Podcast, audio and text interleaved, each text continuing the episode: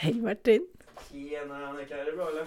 Nej, Nej. idag är jag kraxig så att idag får du prata mest. Ja, ja jag får göra det då. Ja, idag är det om påsken och då får du läsa om sista måltiden. Det ska jag göra. Och så önskar jag alla glad påsk. Eh, ni kommer få höra mig prata om sista måltiden här. Jag har lagt till mig ett bra läge här så jag kan ligga baklänges och prata jättebra. Och påsken, och det är ju skärtorsdagen faktiskt. Som vi ska prata om. Och det har ju någonting med sista måltiden att göra ju. Så vi får se, det går. Den sista måltiden. På kvällen hade Jesus och hans lärjungar förberett en påskfest. Det hade varit en glad och bra dag. Och nu skulle de äta mat tillsammans. Precis som man skulle göra när påsken började. Men när festen skulle börja blev Jesus tyst och nedstämd. Han tittade allvarligt på alla runt bordet. Så tog han ett bröd. Han tackade Gud, delade brödet och gav åt lärjungarna. Så sa han. Det här är min kropp som offras för er. Gör detta till minne av mig. Sen tog han bägaren, tackade Gud och gav den till lärjungarna och sa Det här är mitt blod. Det är det nya förbundet mellan Gud och människor. Jag ger mitt liv för att många ska få förlåtelse för sina synder. När ni dricker av den, gör det till minne av mig. Lärjungarna skruvade på sig. De hade hört Jesus säga flera gånger att han måste dö, men aldrig förstått vad han menat. Och Jesus fortsatte. En av er som sitter här ikväll kommer att förråda mig, sa han. Alla lärjungar blev upprörda och tittade förvånat på varandra. Det är väl inte jag, sa de. Plötsligt reste sig Judas upp och gick därifrån. Jesus fortsatte att berätta vad som skulle hända. I natt kommer ni alla lämna mig och jag kommer dö. Lärjungarna protesterade. Nej, nej, nej, nej, nej, nej, nej, nej, sa Petrus. Det kommer aldrig ske.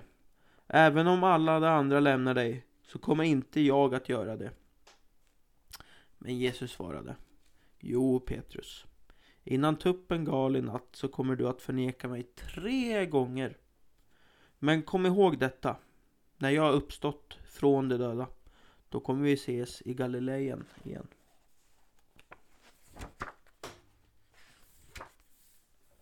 Getsemane. Ja, ni får ursäkta mina, hur jag uttrycker mina ord. Jesus och lärjungarna lämnade festen och gick till Getsemane trädgård. Solen hade gått ner och det var kallt och ruggigt mellan olivträden. Jesus var upprörd och ledsen. Han visste inte vad som nu väntade honom. Att han skulle vara tvungen att dö. Gud, sa han, låt mig slippa detta om det går. Men inte som jag vill, utan som du vill. En liten bit därifrån stod en grupp soldater gömda bakom olivträden. Där fanns också Judas. Han hade väntat på att Jesus och lärjungarna skulle komma. Judas vände sig till soldaterna. Den jag, kyss, den jag kysser, han är det. Plötsligt var det soldater överallt, som från ingenstans hade omringat, omringat lärjungarna med dragna svärd. Judas klev fram. Hej Jesus, sa han. Och så gav han Jesus en kyss på kinden. Judas, sa Jesus. För, för, för, förråder du mig med, med en kyss? Soldaterna grep genast Jesus. Petrus fick tag i ett svärd och högg av ett öra på en av soldaterna. Nej, Petrus, ropade Jesus. Nu räcker det!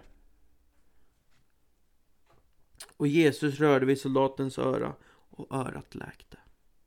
Så tog soldaterna med sig Jesus och lärjungarna blev ensamma kvar i trädgården. Tack för mig och glad påsk! I den stora sorgens famn. Finns små ögonblick av skratt. Så som stjärnor tittar fram ibland. Ut ur evighetens natt.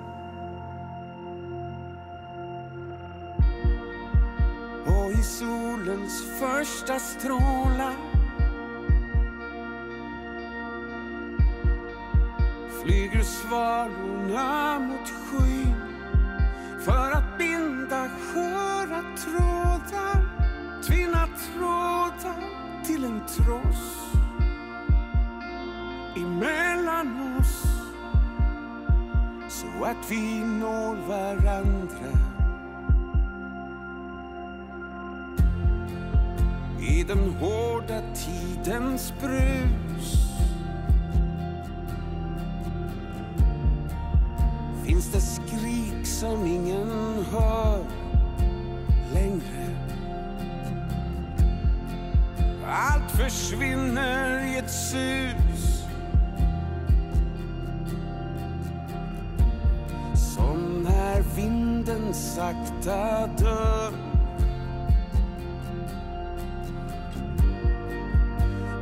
Tårarna har torkat.